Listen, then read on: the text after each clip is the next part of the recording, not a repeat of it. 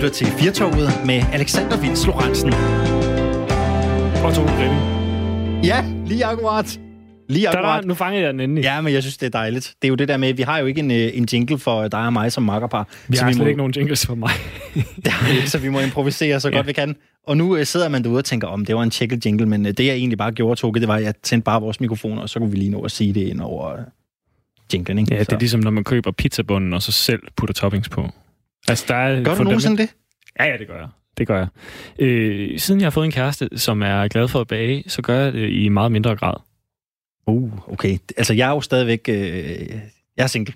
Og jeg, øh, jeg køber nogle gange en, en sådan en frysepizza, ikke? som man lige skal hjem og varme. Åh, oh, det gør jeg også nogle gange. Ja, ja, men du ved, så køber man lige en rulle mozzarella med. Ikke? Så er den der, øh, så er den der skinke pizza bare lidt mere lækker. Man må godt kredse for den. Det synes jeg godt, man. Ja, det er rigtigt. Det er lidt snyd, ikke? Ja. Det er lidt som at lave det der øh, velkommen i tv-køkkenet, men vi har snydt lidt på forhånd. Ja, men altså, det er det der med, for hver frysepizza, du spiser til aftensmad, jo mere er der råd til, at du kan hente noget udefra en af de andre dage, ikke? Det er, Det sådan, det er relativt er, billigt øh, måltid. selvfølgelig rigtigt. Så det, Ja. det er sådan, man skal gøre det op. Det er Altså, du rigtigt. sparer op. Ja, det gør jeg. Jeg sparer op, så jeg kan støtte de lokale øh, restauranter, ikke? Ja, det er derfor, jeg kun spiser hvidt toastbrød. Det er bare for at spare op til, at jeg kan hente mad i weekenden. Ah, det er vist, fordi du aldrig har lagt dine studentervaner helt fra dig. Er det ikke sådan, det hænger Ah, jo, sammen? men det gør jeg heller ikke helt. Jeg spiser også andet. Jeg spiser også øh, groft toastbrød en gang imellem. Og nogle gange rister du det. Ja. ja. Jeg tænkte nok, at det var sådan, der hang sammen. Ja. Det her, det er øh, Firtoget, der i dag øh, lyder en, øh, en lille smule anderledes, og det gør det, fordi at uh, Togo Gripping, han er uh, selvfølgelig ved min uh, side i dag.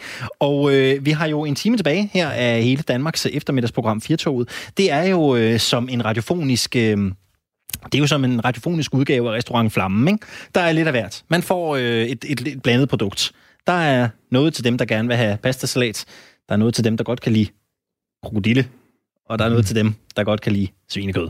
Der er lidt af en men, men, men vi er kendt for, at der er meget kød. Lige præcis, der er kød på tingene. Fuldstændig rigtigt.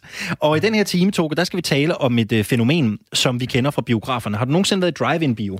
Det har jeg ikke, men, øh, men tiden er der ved at være til det efterhånden. Altså, Lønge Drive-In Bio har jo øh, kæmpe succes i øjeblikket. Har de det? Ja, fordi Nå. at, øh, at folk kan jo ligesom ikke gå i biografen på andre måder. Det er det mest sociale, man kan være øh, med, med andre mennesker uden at... Øh, eller, det er ikke det mest sociale, men det er en af de mest sociale ting, du kan lave, hvor du, både- altså, hvor du både underholder dig, og du kommer ud blandt andre mennesker, uden helt at være det. Mm. Øhm, de, har, øh, de, har, de har kronet dage deroppe, og det, det fungerer jo på sådan en rigtig smart måde. Øh, Det, det kan også godt være, at det altid har fungeret sådan. Men at øh, man simpelthen tænder for bilradioen, og så er der lige en frekvens, der sender lyden fra filmen ud. Prøv, det er interessant det her, fordi jeg ved faktisk ikke, hvordan det fungerer. Jeg har aldrig været der. Nej, men jeg ved heller ikke, om det fungerer sådan i amerikanske, fordi jeg synes jo også, man har hørt det der om, at de, altså, så spiller de bare lyden ud på nogle højtalere, men øh, højtalere simpelthen, altså sådan godt gammeldags, ligesom en, en koncert. Men, øh, men det kan godt være, det, det er normalt, det der. Det troede jeg bare ikke, det var. Altså, at man sender signalet, øh, sender lyden ud på en, på en øh, lokal frekvens, Mm. som, som så gør, at, øh, at folk kan sidde inde i dytterne der og, og følge med. Har hørt, det skulle være en, en jævn træls oplevelse, hvis det regner lidt. ja, det er klart, der er noget med regnen ja, på biltaget, der ikke er nogle, fedt. Ja, sådan nogle viskere der, de, Ja. ja. de kan ikke øh, tage det hele. Så, øh, så det bliver en sløret affære, hvis, man, hvis det regner meget. Jeg tænker mere, øh, og, og nogle film kan det jo sikkert give en ekstra effekt, ikke? Prøv at forestille dig, hvis man skulle se øh, Hitchcock Psycho, der med brusebadscenen og mordet, og man så har øh, de der vinduesviskere. Altså, det giver sådan en, en helt anden effekt. Ja, det er rigtigt. Det, er, det har jeg ikke tænkt over. Det, det kan jo godt, øh, ja, det kan godt være en tilføjelse, Ja. ja. nogle steder, i stedet for at trække fra oplevelsen. Eller den scene, hvor hun er på vej op til øh, Bates Motel, og det regner, og det regner, og det regner, og man ser vinduesviskeren på hendes bil. Den går nærmest helt amok. Det vil være meget forstærkende. Hvilken uhygge det ikke kunne tilføre. Ja, og så må regnen gerne stoppe lige, når den store afsløring kommer. Ja, lige akkurat. Kan vide, om det er sådan sted, altså, kan folk afholde sig fra at dytte, når man sidder i sådan en drive-in bio, tænker jeg. Ja, det må... Ellers så tror jeg ret hurtigt, man kan blive vist vejen ud. Det kan godt være. Det er nok bare mit barnlige sind, der spiller mig en uh, pus. Men en ting er jo drive-in bio noget andet det er en drive-in gudstjeneste, som jo også er et fænomen, vi måske kan begynde at vende os til. Ja, ikke øh, uden grund, fordi at, øh, at det er jo sådan, at, øh, at der er nogle kirker, der øh, har tænkt, hvordan kan vi forkynde øh, den kristne Guds øh, budskab her i, øh, i påsketiden til, øh, til mennesker, hvor man både får en form for, for nærhed, men ikke øh, helt kompromitterer sundheds... Øh, foranstaltninger mm-hmm. eller vejledninger. Jeg er ikke selv ekstremt øh, kristen. Øh, jeg er medlem af Folkekirken, men jeg, men jeg er sjældent i kirken, medmindre jeg har et ærne, der lad os, lad os sige det sådan. Men det her, det er jo næsten sådan noget, jeg, jeg, jeg kan mærke, at jeg bliver sådan helt øh, nysgerrig på at, på at se, hvordan det fungerer. Selvfølgelig vil jeg, ligesom når jeg ellers er i kirke, sætte mig på den bagerste kirkebænk. Det vil sige, at jeg vil parkere bagerst på P-pladsen, ikke? Men jeg bliver lidt nysgerrig.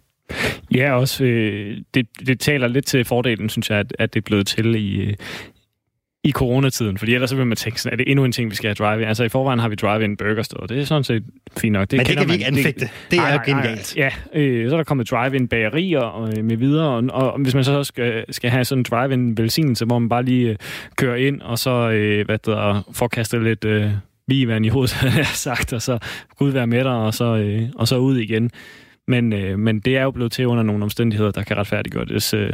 Altså. Der er jo ingen tvivl om, at hvis du skal have sønsforladelse, så skal køen forberede sig på, at det kan blive langt om bagved. Ja, det er ja, den altså længste det, drive-in. Det, det svarer til at bestille sådan 4-5 store menuer eller sådan noget i McTutti, ikke? Øh, det, jeg skal igennem der, hvor det, de skal i gang med det helt store arbejde derinde. Jeg tror simpelthen også, de bliver nødt til at kalde en ekstra præst ind og en kirketjener mere, for øh, at sørge for at få mig ud på den rigtige side.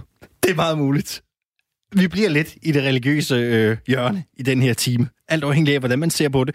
Toge, øh, du har jo øh, du har begået en, en, en øh, genistreg, øh, vil jeg mene. Vi har jo ringet rundt til, øh, til mange øh, samfund for at høre, hvordan man griber coronakrisen her øh, an. Øh, vi har også en, øh, en lille overraskelse her i de kommende påskedage. Men øh, i dag har du jo sørget for, at vi skal et smut forbi Scientology-kirken. Scientology i Danmark, ja. Og, øh, og høre, hvordan de som trosamfund øh, håndterer coronakrisen. Og det er jo en, ja, det er ikke nogen hemmelighed, at det er en kontroversiel religiøs øh, bevægelse, men ikke desto mindre så øh, er det jo stadigvæk interessant at høre, hvordan de håndterer den internt. Simpelthen. Bare hvordan, håndtere den, den nye situation. Hvordan, hvordan, hvordan tror du? Har du et bud? Kan du overhovedet forestille nej, dig det? Nej, fordi jeg har øh, vidderligt ikke særlig meget øh, begreb om, øh, hvordan Scientology i Danmark øh, fungerer, og hvordan det er at være medlem. Altså, jeg har en idé om, om søorganisationen der, som, øh, som jo så arbejder hårdt og, øh, og længe for... Øh, for, for kirken, for Scientology-kirken. Men, øh, men, men, men ud over det, så ved jeg ikke særlig meget om, øh, hvad de gør. Så øh, det kan være, at de bare fortsætter som ufortrøden. Mm. Men, øh, men, men den her, øh, øh, nu skal jeg se, om jeg kan, det auditør, øh, hvad der form for øh, terapi, øh, hvor man sidder og holder de her elektroder og så videre, det må være svært at gøre det nu. Altså med nye medlemmer. Stresstesten. Det er den ja, nemlig, famøse altså, stresstest. Ja, det, det må være svært at gøre med nye medlemmer nu, jo, hvor man skal sidde tæt på hinanden. Det kan være, at øh, de har fundet på en smart løsning. Det kan jo være, at man kan broadcaste den eller et eller andet. Altså sådan sende elektroniske signaler sådan via bølgenetværk, wifi, 4G, ikke? 5G måske. Ja, ved ikke. Ved ikke. vi ser Men på det. øh, vi finder ud af, hvad de har gjort for at justere. Altså man kan jo sige, at Jehovas vidner har, valgt, har valgt at sende deres øh, budskab ud via bølger. Fordi at, øh, de bruger øh, sms'er nu til at stemme dørklokker. Altså, det skal jeg lige forstå. De, de, de, de stemmer ikke fysisk, rent fysisk dørklokker. Nej, nej. Altså, de sender sms'er til, til folk eller ringer. Øhm, jeg ved ikke, jeg går ud fra, at det er folk, der skal have rettet en eller anden form for henvendelse øh, til, hvad der, til Jehovas vidner, fordi at, øh, jeg, øh, jeg ved ikke, hvordan det foregår. Men, øh, men, men de sender sms'er ud, og det, det har jeg ringet og, og, og, bekræft, og fået bekræftet hos, øh, hos Jehovas vidner, at de gør brug af forskellige måder. Også snail mail, altså den gode gamle dags øh, sende brev. Men når du har ringet til dem for at få noget bekræftet. Har du så oplevet, at de har ringet tilbage til dig for at høre, om du ville være med? Ja, men det var en fejl. Okay. det fik jeg i hvert fald at vide, okay. det var. Det fik jeg, jeg at vide, var. Men de, ring, nej, men de ringede lige, de ringede lige bagefter, faktisk, næsten, for at spørge sådan. Ved du hvad, jeg, kan, det, jeg vil bare lige Smukt. gerne uh, høre, hvad, hvad de forhold til Gud og Bibelen og, øh, og, og, den kristlige, og det kristne budskab, sådan, så vil jeg gerne lige høre fra dig. Uh, så jeg, jeg har simpelthen ikke tid, men jeg, men jeg har altså lige ringet for at, at spørge, om jeg kunne få en interview. Og det er altså ikke, fordi Jehovas vidner har sagt nej. Det er bare, fordi vi ikke har nået at sætte dem i stævnen uh, lige til i dag. Så, uh, så det kunne være, at vi arbejder på at, at, at høre, hvordan man sådan rent logistisk sætter sådan en øh, uh, sms-dørklokke op.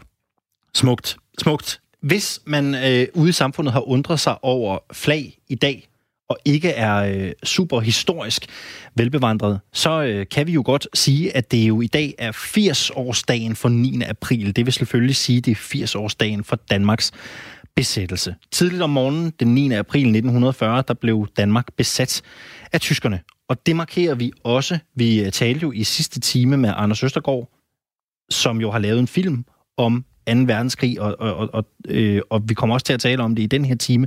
Vi skal faktisk tale med en, der har oplevet besættelsen af Danmark, jo selvfølgelig både besættelsen og befrielsen. Ja, som øh, hun var 14 år dengang. Ja, nemlig. Da, hvad der, da tyskerne kom og, øh, og, og boede på Mors. I dag bor hun i Grænsted. Vi taler med... Øh, nu skal jeg lige... Hun er Oda Mundbjerg. Oda Mundbjerg, tak ja. for det. Tak for det. Velkommen til Firtoget i dag med Togo Gripping og Alexander Vils Lorentzen.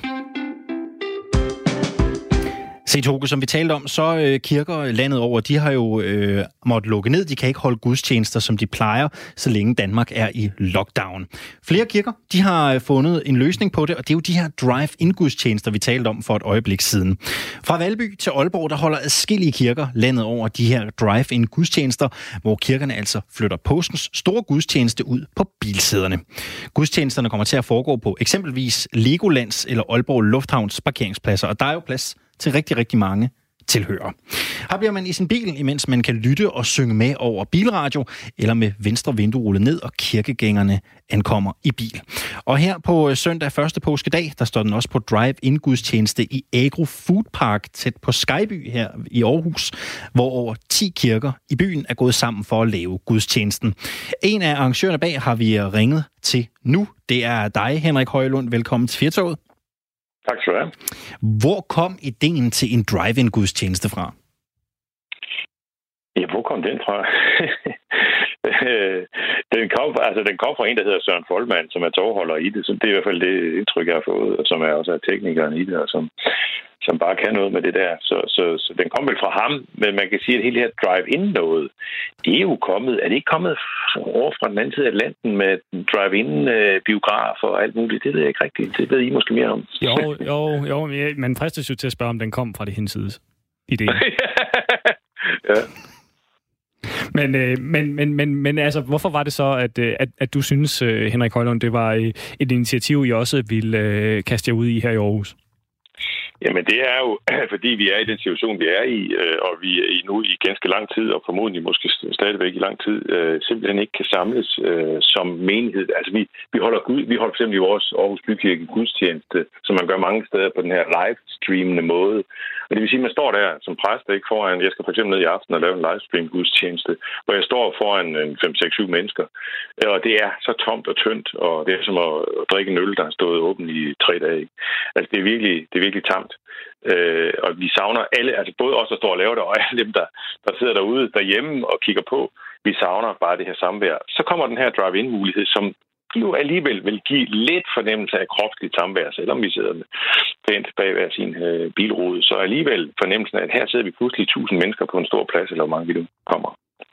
Kan du ikke prøve, nu forsøgte jeg jo efter bedste evne at beskrive, hvordan det her kommer til at forløbe, men kan du ikke prøve at beskrive, hvordan sådan en drive-in gudstjeneste her, den forløber? Øh, jo, det kan jeg godt. Altså, den, den, øh, det er klart, det bliver sådan et, et kæmpe optræk, hvor, hvor øh, bilerne skal placeres og parkeres og gøres ved. Øh, og det øh, i sig selv er, er en større øh, kunst, tror jeg. Øh, og især der, hvis, hvis der vidderligt kommer... Altså, vi tror faktisk, der kommer ganske mange hundrede biler, måske helt op mod tusind.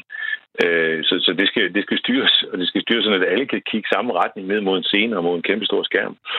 Altså, det starter det med, og så når først de går i gang med gudstjenesten, så øh, bliver det sådan på god øh, traditionelt påskedagsvis, eller i hvert fald traditionelt i mange sammenhænge, og, og faktisk ud over verden i mange forskellige kirkesamfund, at det bliver sådan noget med, at jeg giver mig til at råbe, Kristus er opstanden. Ikke? Det er jo det, vi fejrer påskedag, og det skal der bare råbes, og så skal vi have gang i, at folk de råber det ind i bilerne, og gerne med måske en anelse nedrullet vindue i hvert fald til den ene side. Øh, og så skal vi have dem i gang med at dytte i hornene. Vi skal simpelthen på en eller anden måde have udbasoneret det her Kristus er opstanden. Der starter vi. Og så skal vi have sunget nogle nogle salmer, og vi har et band, som står på scenen, et, et super dygtigt profband, øh, som, som kommer og leverer det gratis. Øh, og øh, de, øh, de leverer musikken til en stribe, både kendte påskesalmer, som vi synger i folkekirken, og andre typer kristne sange, mere rytmiske præget. Så det bliver sådan en, en god blanding. Og det er også fordi, at der taler om en fælleskirkelig ting. Der er ikke bare 10 gudstjenester, som du nævnte fra starten, men der er mindst 20, eller ikke gudstjenester, der er mindst 20 kirker fra Aarhus, som er med i det her både folkekirker og frikirker. Så vi skal have lidt af, af, lidt, vi skal smage lidt af begge dele, begge sider. Og så skal jeg selvfølgelig prædike undervejs, så vi skal have bedt noget bøn, og vi skal have Øh, der kommer faktisk også en fyr, som er super god til sådan noget børne, noget han kan butale, jeg ved ikke hvad. Og han kommer og laver et lille børneindslag på tre minutter. Så der sker lidt af hvert. Det må man sige. Normalt, når man plejer at gå øh, i kirke, øh, correct me if I'm wrong, så øh, har man jo øh, sat ret meget af sin lid til, øh, til Aarhuset og til, øh, og til korsangerne. Og yes. måske det kor, der kommer og synger. Jeg går ikke ud fra, at Aarhuset skal med til den her drive-in gudstjeneste. Hvad er, det for et, hvad er det for et band, der kommer og spiller? Hvad har de mere instrumenter? Hvad kan, hvad kan man forvente sig? Ja, jeg er ikke helt 100% sikker på, på, hvad de har med. Altså, jeg ved, der er noget guitar, noget bass, noget trommer, noget øh, øh, piano på en eller anden måde, noget keyboard. Øh, og øh, ham, der står for det, det er ham, der hedder Arvid Asmussen, som har udgivet flere CD'er, og som har været kirkemusiker i det, der hedder Aarhus Valgmenighed gennem mange år indtil for nylig, hvor han så flyttede job.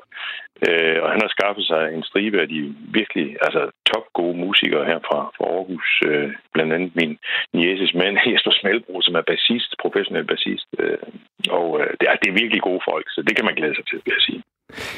Henrik, øh, inden vi, øh, vi ringede til dig, der stod vi og talte om, når det var i drive-in-biografer, hvordan det så fungerede med at få lyden ud til folk.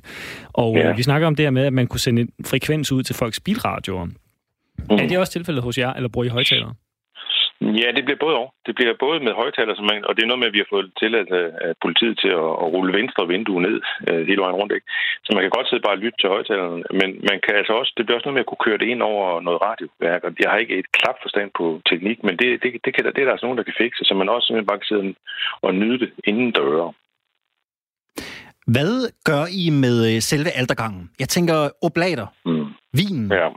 Jesu Kristi ja. og blod. Hvordan kommer ja. det til at fungere? Det kommer ikke til at fungere. vi, øh, vi, vi sætter os stadigvæk øh, i sultetilstand øh, og, og lader være med at, at begynde at dele ud. Det kunne vi sådan principielt godt, men det vil for det første tage enormt lang tid. For det andet, hvordan skulle vi gøre det på en, en mhm. forsvarlig måde i det her, med alle de her regler, der er nogle stunder? Det, det ved jeg ikke rigtigt. Så, så det, det, det undlader vi simpelthen. Det lader vi være. Hvordan får I så fordelt? Nu kommer folk i deres biler. Øh, nu har jeg selv, øh, det er mange år siden, jeg har været i Legoland, men jeg har dog været i Aalborg Lufthavn. Det er ikke så lang tid siden. Når man er mm. der, der er jo øh, mange parkeringspladser. Hvordan får I fordelt de her biler på en fornuftig måde, sådan rent praktisk logistisk? Hvordan, hvordan får, det, får I det Tetris-spil til at gå op? Ja, det spørger jeg også om. Men det er der altså nogen, der kan den slags. Øh, der er i gang med, altså der er ved at blive øh, indkaldt et hav af mennesker til at være p-vagter, som simpelthen står ved de forskellige bås, eller ikke alle båsen, du ved, men, men ved indkørslerne til alle de forskellige øh, plateauer for, for det her ude på, på Agro Food Park. Øh, og, og der vil, vil der, folk blive dirigeret fint på plads, og, og, og, og de lokale sovnepræster, øh, Lars Lindgrav og hvem Karin, eller hvem det er, de vil stå derude og byde velkommen. Og så, altså, der, der, vil være meget, det vil være meget styret, og jeg, jeg tror, der er styr på det. Apropos styr på det, Henrik Højlund, øh, præst i øh, Aarhus Bykirke, så har vi fået en sms fra Claus, der, står, øh, der spørger, hvor alderet skal stå. Altså bare i, i forhold til sådan helt lavpraktisk, om, om man får solen i øjnene, hvis man skal vende bilen mod, mod alderet. Ja, øh, det bliver, skal vi se, hvordan bliver det med retning af det? Jeg tror faktisk, det kommer til at stå mod nord, hvis jeg ikke tager helt fejl. Så der bliver ikke noget sol i øjnene der. Øh, og alder og alder, jeg ved det ikke, der bliver en scene simpelthen, og så en kæmpe stor skærm bagved. Øhm, og det er der, det kommer til at foregå øh, hovedsageligt. Der bliver faktisk også en lille sidescene, hvor der kommer til at foregå lidt andet, som også bliver kørt op på skærmen, især inden selve gudstjenesten går i gang. Så bliver der kørt noget, noget øh, forskellige hvad, interviews og sådan, ting og sager der. Så man kan komme både en halv time og tre kvarter før. Man, det, det bliver åbnet en time før på parkeringspladsen. Så man kan komme i god tid og faktisk sidde og lytte øh, til nogle ting og sidde og, ja, og blive underholdt, så at sige, øh, inden det hele starter for alvor. Man siger jo, at øh, nød lærer nøgen kvinde at spinde, og nu øh, er de her øh, gudstjenester, drive-in gudstjenester, jo blevet set flere steder, og de er også blevet ganske populære. Er det her sådan en, øh, er det sådan en idé, man kunne forestille sig fortsætte, også på den anden side af covid-19? Ja, det er et meget godt spørgsmål. Det er sjovt, du bruger det der nød, lærer nøgen, kvinder spænde. Det vi sagt ned i, i Aarhus Bykirke, fordi vi jo har været plunget til at finde ud af at løse det her livestreaming noget. Og nu er vi kommet frem til, at vi simpelthen har samlet penge ind til, til et kamera, så vi kommer til at fortsætte med livestreaming. Også når coronatiden er om. Øh, det her drive-in, det, hvis du spørger, nu spørger du mig, og mit personlige helt umiddelbare svar, uden at have tænkt meget over, det er, at nej, jeg tror ikke, det er det fremtidige. Og det tror jeg ikke, fordi at vi jo, der er jo en grund til, at vi mødes i hver sin menighed. Der er også en grund til, at vi er i forskellige kirkesamfund. Der er også grund til, at vi er forskellige og tænker forskellige om en del ting.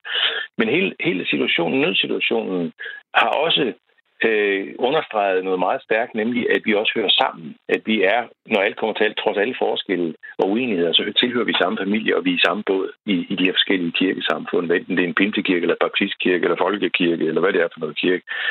Øh, men jeg har svært ved at forestille mig, for du komme tilbage til spørgsmål, at at det her det er sådan noget, vi kommer til at gøre i stor stil fremover. Det kan sagtens være, at, det sker igen en eller anden gang, hvad ved jeg. Men øh, jeg tror ikke, det bliver sådan...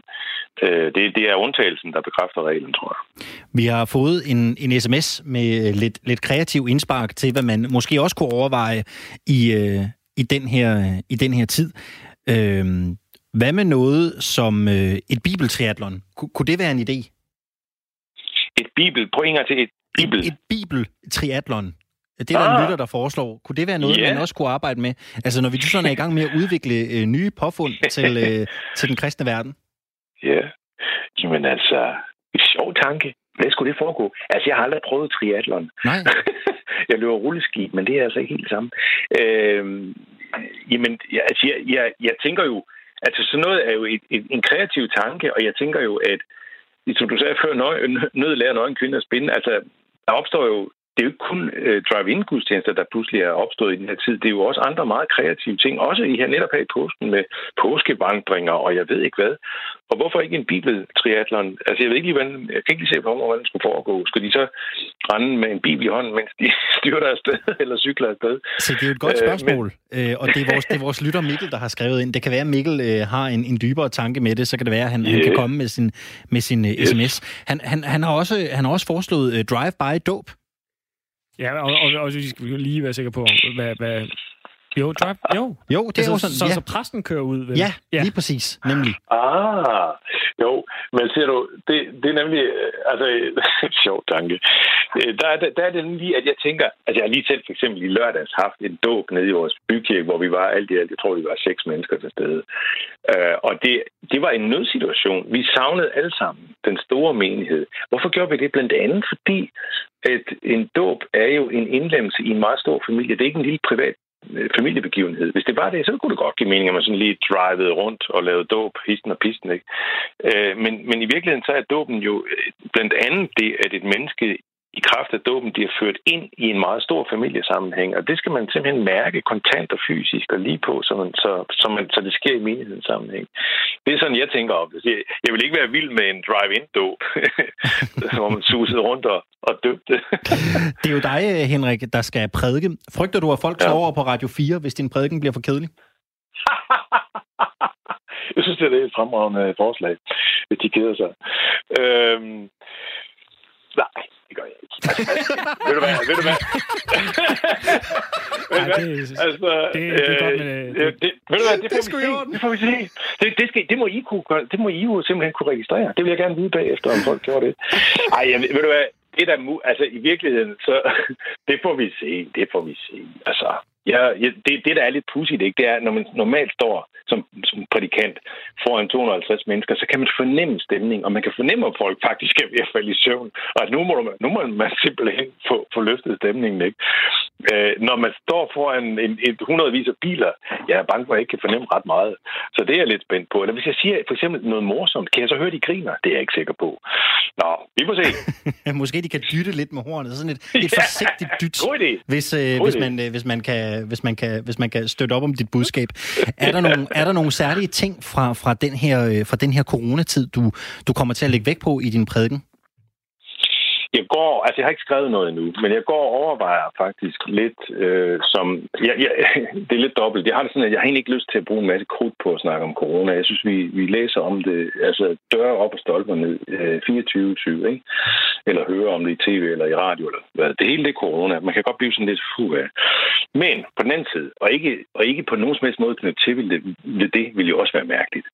Så jeg går med nogle tanker om Øh, det her med budskabet er jo først og fremmest Jesu Kristi opstandelse fra de døde, og hvad det betyder for os. Det skal jeg på en eller anden måde have sagt noget om. Og der kan jeg ikke lade være med at tænke på, at noget af det, som jeg synes er fuldstændig vidunderligt ved Jesu opstandelse, det er, at det er en meget kropslig øh, ting. Altså han, bliver, han opstår med yderhår. og.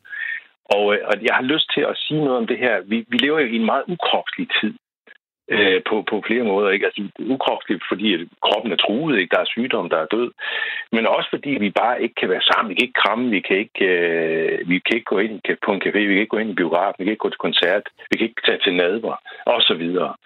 Øh, og det vil, og, og, og der, der tænker jeg, at påskebudskabet om Jesu Kristi opstand fra de døde med hud og hår, med kroppen. Ikke?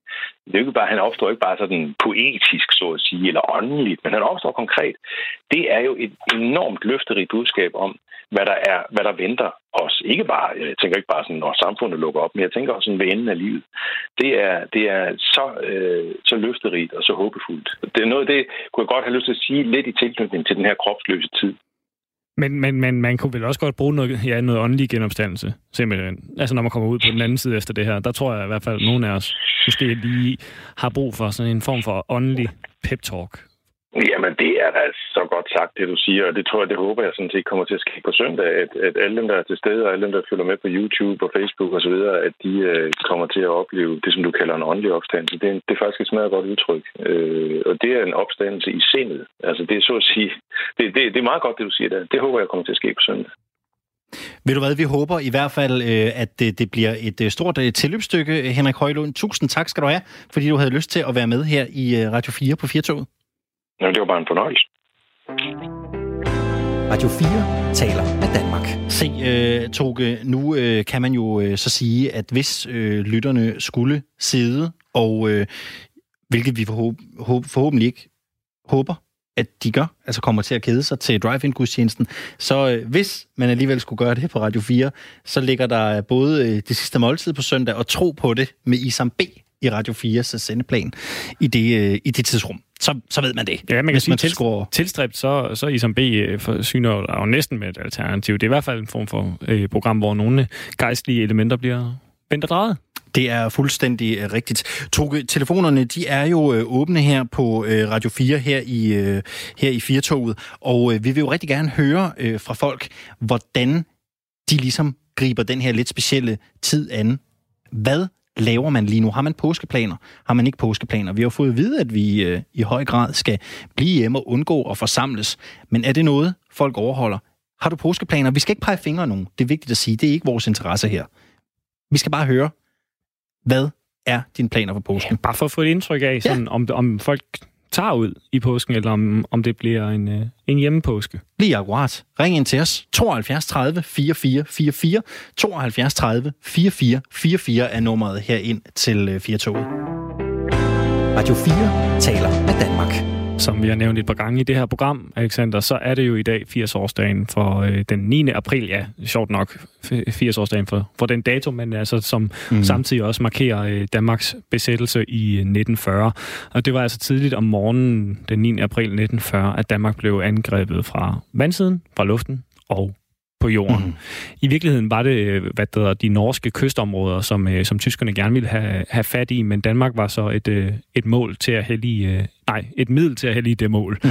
Og da tyskerne kom, så fik den danske regering et ultimatum, overgiver eller blive nedkæmpet, og som I ved, så er resten historie. Danmark overgav sig og var besat frem til den 5. april 1945. En af dem, der oplevede Danmarks besættelse, det er dig, Oda Mundbjerg. Du var 14 år, da tyskerne kom. Velkommen til. Ja. Ja. Du boede på Mors ja, dengang. det var jeg. Ja. ja. Du boede på Mors dengang, da tyskerne kom, og i, i dag er du 94 år gammel. Hvordan ja. husker du den 9. Øh, april 1940? Og jeg husker den morgen, at vi, vi hørte, at der var en masse øhm, flyver i luften. Og og vi kom op og kiggede ud, og de fløj meget lavt. Nogle store, mørke maskiner, der så ret uhyggelige ud for os at se. Og efterhånden, ja, mine forældre lukkede jo op for radioen og hørte, at uh, tyskerne havde besat Danmark. Og jamen, det var ret chokerende for os, fordi jeg kan jo nu forstå, at det var egentlig noget, regeringen var lidt forberedt på. Men det var befolkningen overhovedet ikke. Vi, vi blev så chokeret over det. Så ja, Altså, besættelsestiden, den var jo sådan en, en mærkelig tid. Fordi egentlig gik vi jo med lidt, lidt frygt, fordi vi havde jo disse tyske soldater vandrende på vejene med øh, deres geværer. og, og det gik jo hurtigt op for os, at vi skulle forholde os roligt. Og det var jo, hvad vi sådan hørte fra øh, regeringen og side. Og det gjorde, det gjorde danskerne også i starten i hvert fald. Og, øh, men det var jo sådan, at vi anede jo ikke noget om, hvor længe sådan noget ville vare. Og vi var jo klar over, at nordmændene gjorde mere modstand. I Danmark, ja, der var der jo lidt modstand lige fra morgenen af. Det var jo kongen og regeringen, der var enige om, at der skulle gøres lidt modstand, for at det skulle se ud, som om altså danskerne, vi var imod besættelsen.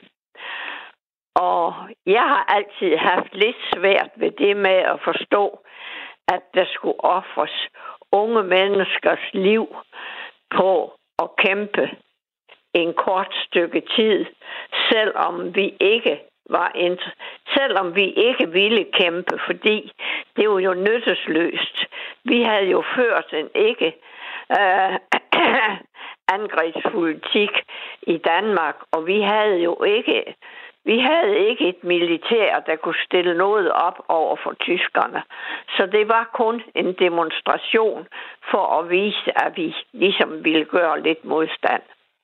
Det er jo helt fantastisk. Det var, det var sådan lige lidt af det øh, første, jeg oplevede.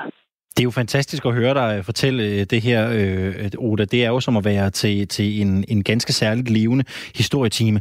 Du så de her flyvere, der fløj lavt over øh, Mors. Hvad tænkte du, altså, hvad tænkte du, da du så de her, de her flyvere?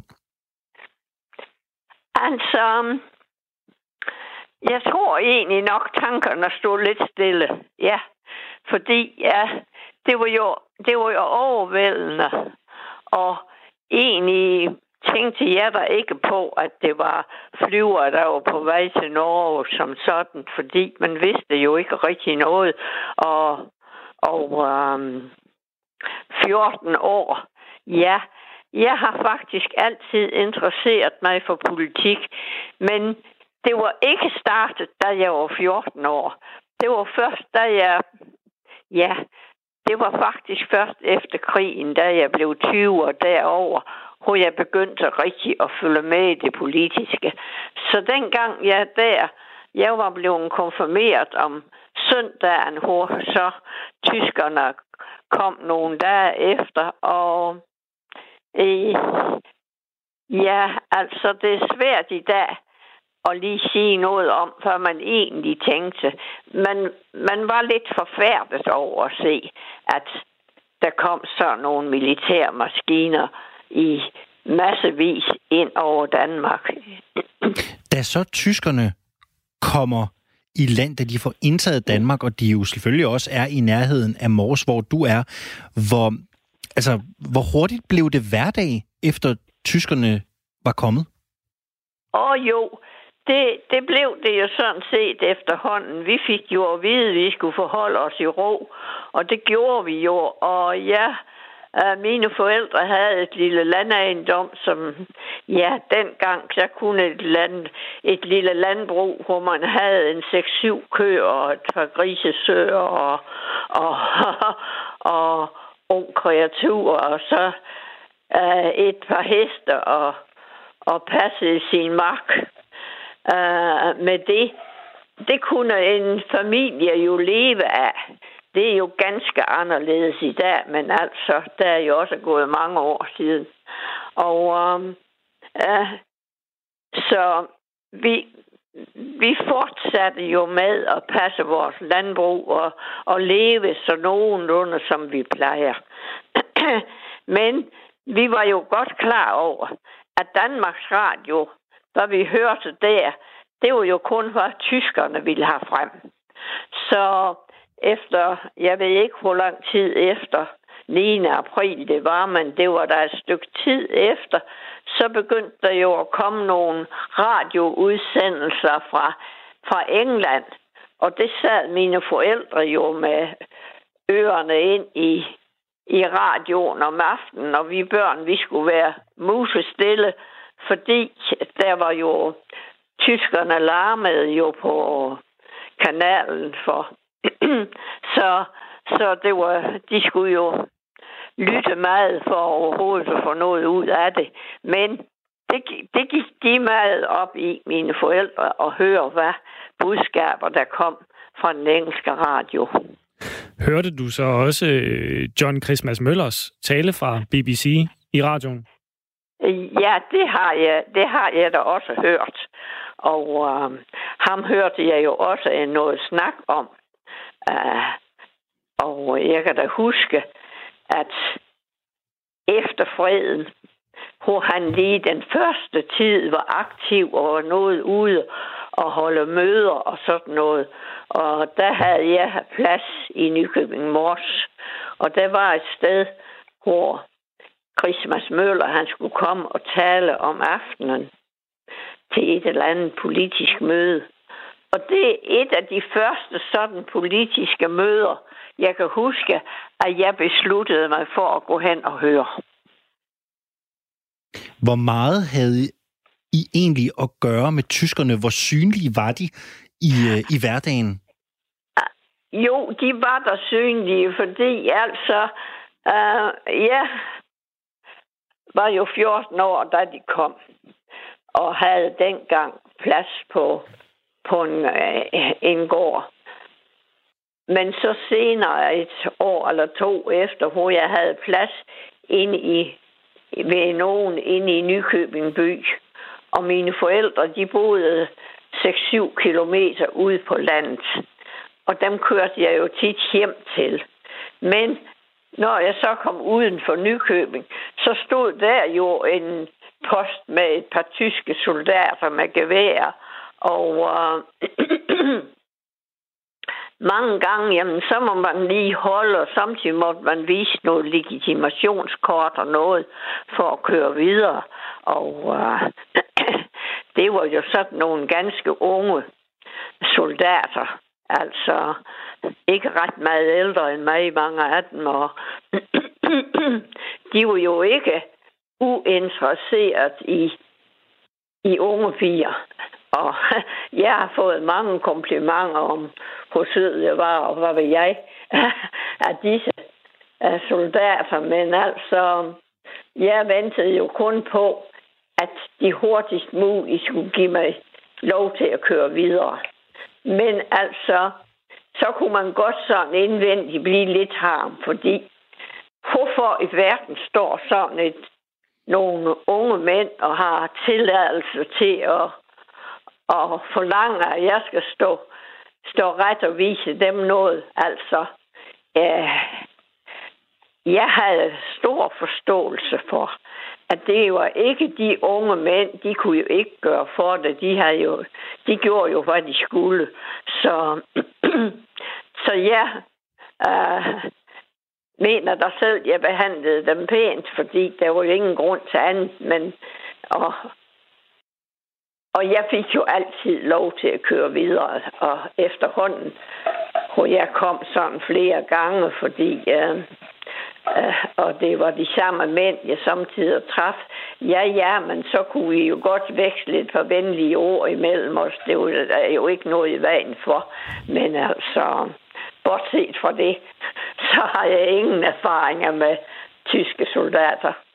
Kom, kom, kom du på fornavn med nogle af de her øh, soldater, Oda, eller, eller, eller var der en anden måde, hvor man næsten lærte dem at, at kende på? Nu sagde du, det var de samme, du, øh, du mødte ofte. Ja, nej, jeg kom ikke på fornavn. Jeg, jeg, ja, jeg snakkede ikke, ikke mere med dem end højst nødvendigt. Nej, jeg kan ikke huske, at jeg kom på fornavn med dem. Nej, men jeg kan da huske, at uh, ja, at smil og venlige ord, og efterhånden, jamen så, jeg, jeg kunne ikke forstå meget tysk, men lidt af det, de sådan siger, når de kommer med nogle komplimenter, det forstod jeg da udmærket. Og deres mimik og sådan noget, det, uh, det er jo også noget, man lægger mærke til, ja. Oda, du sagde her øh, tidligere, at, øh, at at du selvfølgelig, og I selvfølgelig opførte jer, jer pænt over for dem, så pænt som, som man nu gjorde, når det var en del af ens hverdag. Havde man havde du nogensinde lyst til andet? Altså havde du nogensinde lyst til ikke at være høflig over for dem, fordi man, man vidste jo godt, hvad, hvad det var, der skete i, i Tyskland? Ja, det vidste jeg jo godt. Og, men jeg havde jo nogle forældre, som var utrolig bange for, at der skulle ske os børn noget. Så vi blev jo i den grad øh, indprintet, at, at vi skulle bare være høflige og, og ordentlige og, og ikke på nogen måde vise af, være afvisende eller uhøflig over for disse der tyskere. Så, så det kom aldrig til noget som helst andet end almindelig venlighed imellem os. Hvad var det for nogle øh, følelser, du, du havde Oda, over for, øh, for, for tyskerne? Var det, var det vrede? Var det frygt? Øh, var det begge dele? Det var begge dele, og det var jo også det, mine forældre havde. De frygtede jo i den grad, altså, at øh, fordi de hørte jo alligevel, der var jo nogen, der var jo nogen, som øh, som blev skudt, og, og, og, og nogen, der kom i vanskeligheder. Og det ville de jo for alt i verden ikke have, at deres børn skulle komme. Så derfor så, så opførte vi os høfligt og ordentligt over for tyskerne. Men inderst ene, så var vi rigtig nok ikke tyskervenlige, og det var mine forældre heller ikke. Var det sådan, at, øh, at dine forældre øh, også var meget bevidste om at holde sig ude af, øh, ja, altså netop relationer til, til, til tyskerne, som man ikke blev set for nogen, som en form for, for allieret her øh, inden for øh, Danmarks grænser? Ja, de er mine forældre. Det var folk, som absolut forholdt sig rolige og, og aldrig kunne altså jeg ved jo nok efterhånden, som vi kom længere ind i krigen, så var der jo modstandsfolk, og selvfølgelig ved jeg heller ikke, hvad mine tre voksne brødre havde med at gøre, fordi det er ikke noget, de har fortalt noget om. Men så vidt, så vidt jeg ved, så, så holdt min familie så meget i ro. Hvad husker du bedst selv fra den her tid, hvor Danmark var besat i, i dit område. Hvad, hvad, hvad husker du selv bedst? Ah, ja. Jeg har jo en fornemmelse af, at den frygt, vi egentlig havde, og også den øh, usikkerhed, vi vidste jo ikke, hvordan i de første to år, der tror jeg jo nok, vi havde den fornemmelse, at tyskerne måske ville vinde. Og så vidste vi jo ingenting om, hvad i verden Danmarks øh, rolle skulle være efter krigen. Og det var, det var jo en usikkerhed, fordi det vi så inderligt ønskede, det var jo et frit Danmark, som vi havde haft før. Men, men i lang tid, der var det ikke noget, vi var klar over, om, om vi ville komme til at opleve igen. Husker du tiden, husker du årene som, som, som lange? Altså var det, var, det, var det fem lange år? når du tænker tilbage? Nej, det husker jeg egentlig ikke. For jeg var jo, det var jo fra jeg var 14 til jeg var 19. Og jeg havde jo plads forskellige steder. Både på landet og ind i Nykøbing. Og ind imellem var jeg hjemme, for de havde også brug for hjælp. Så tiden gik egentlig, ungdomsårene gik jo egentlig hurtigt for mig. Og øh, de ting, som vi sådan tog del i, grundlovsmøder og, og hvad ved jeg, hvad der var for unge mennesker, jamen det tog jeg jo også del i. Det var jo ikke sådan, at man gik og, og hvad skal jeg sige, og vi levede, vi levede jo trods alt livet så godt, som vi kunne. Men inderst inde, inderst inde, så, så var krigsårene øh, en, øh, en streng tid for os. Oda Mundberg, øh, Inden jeg slipper dig, så synes jeg, at øh, jeg vil læse en sms op for dig, som vi har fået fra en af vores lyttere. Øh, det er vores lytter Inger, som skriver, hvor er det rørende at høre, hvordan den vidunderlige og kloge kvinde beretter om den 9. April 1940. Den, den tror jeg godt, både øh, Toger og jeg kan skrive under på. Det har været en, øh, en fornøjelse at høre din øh, fortælling og din øh, beretning, øh, Oda Mundbjerg. Ja. Tusind tak skal du have, fordi du ja, har lyst til at være med. det er nu ikke, fordi det er så meget, jeg har at sige, fordi egentlig på Mors, jeg levede jo på et sted, hvor tingene foregik egentlig meget roligt og meget dagligdags. Ikke desto mindre var det fantastisk at høre. Tak, fordi du havde lyst til at være med, og kan du have en, en rigtig dejlig eftermiddag og en god påske. Ja, tak. I lige måde. Tak skal du have. Ja, ja, hej. Og øh, så sparker vi bolden over i et andet hjørne, Alexander. Det var en rørende fortælling at Bestemt. høre Oda fortælle om, om dengang. Noget, som vi kun har fået overleveret og læst om, men det er jo pludselig det, fortalt af en, der har oplevet det. Det her var jo som at være til øh, måske den mest spændende historietime, øh, vi nogensinde har været til, ikke? Det kan jeg godt skrive under på. Mm. Men nu skal vi til en religionstime, for øh, vi skal tale med Scientology, fordi vi har sat os for her i øh, Firtoget og tale med forskellige trosamfund om, hvordan de øh, griber coronatiden an, og de øh, udfordringer og øh, ændringer i vores levevilkår, den har medført. Og, øh, og derfor så kan vi så sige velkommen til Annette Refstrup. Hej. Hej Annette. Du er øh, informationschef i Scientology-kirken i, øh, i Danmark. Og øh, kan du ikke starte med at fortælle os, hvordan Scientology i Danmark øh, ja, simpelthen har håndteret, øh, valgt at håndtere øh, coronakrisen? Altså har I øh, ændret jeres måde at, øh, at, at drive Scientology-kirken på? Øh, ja, jeg kan vist godt sige, at sådan, i, i første omgang så var vi øh, sådan nogenlunde i samme tilstand af chok som, som resten af det danske samfund. Men så begyndte vi jo sådan at kigge på, hvad vi så kunne gøre i den her situation.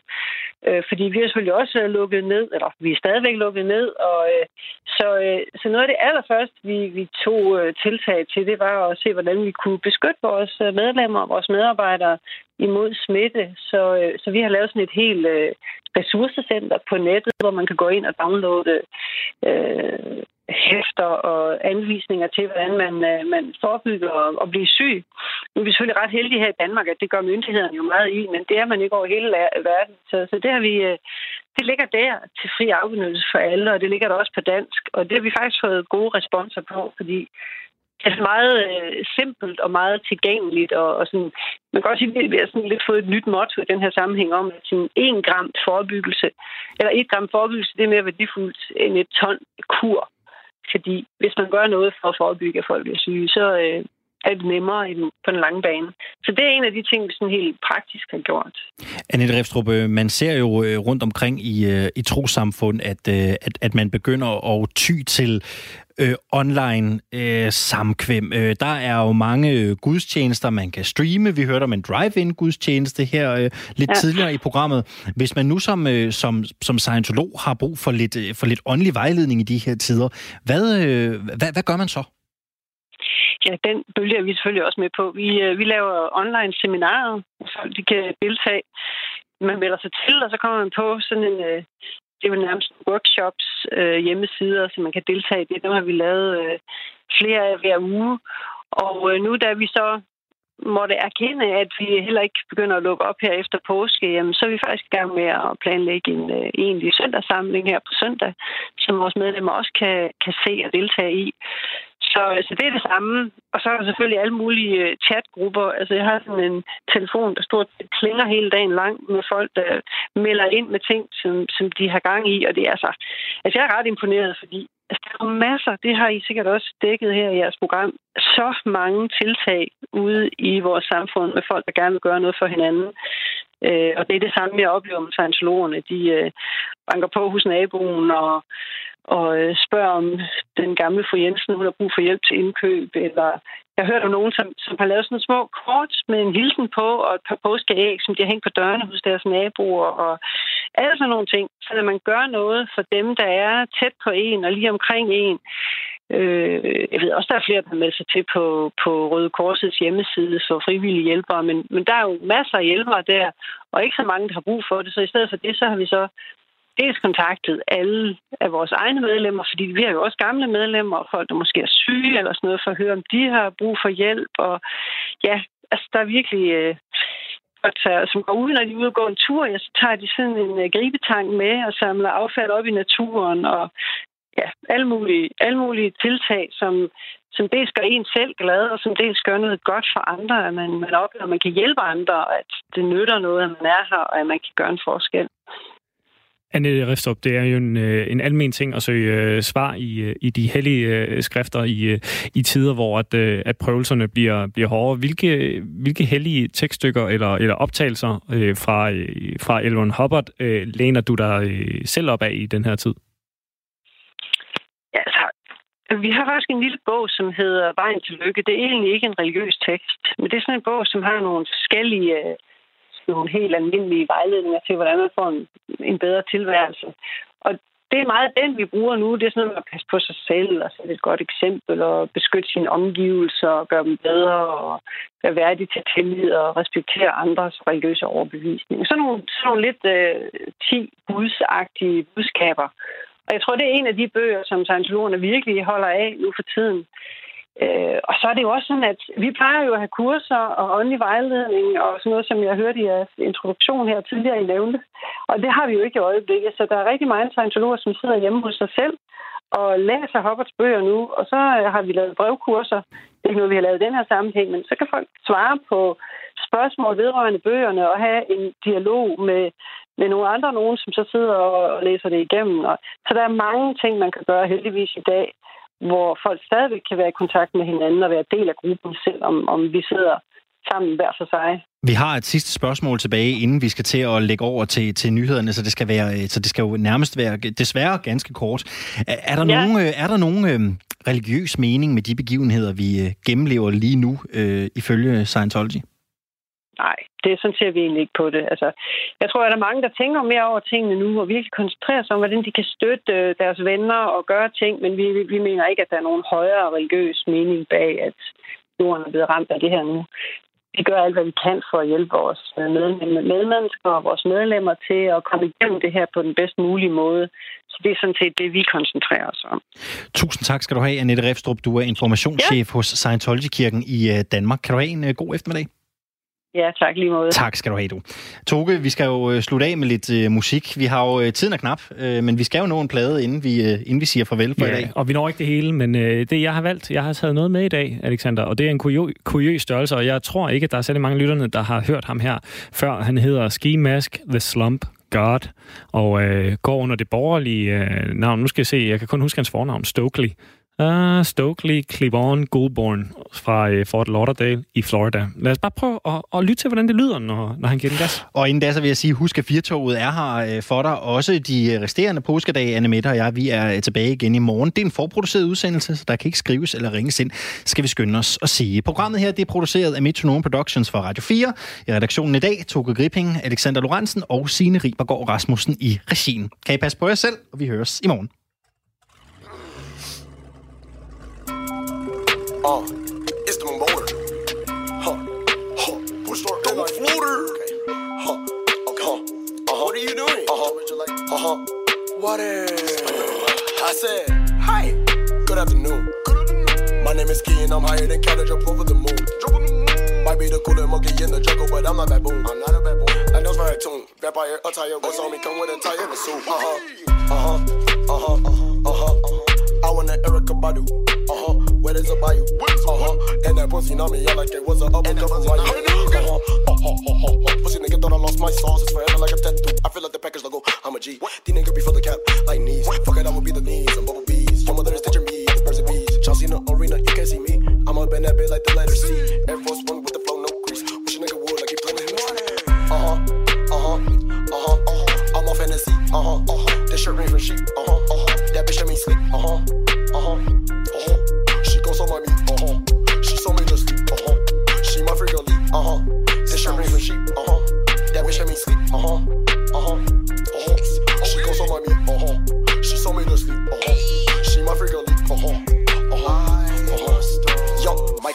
Myers, I'm trying to kill that pussy. Wait, Sesame Street, I'm a monster for that cook.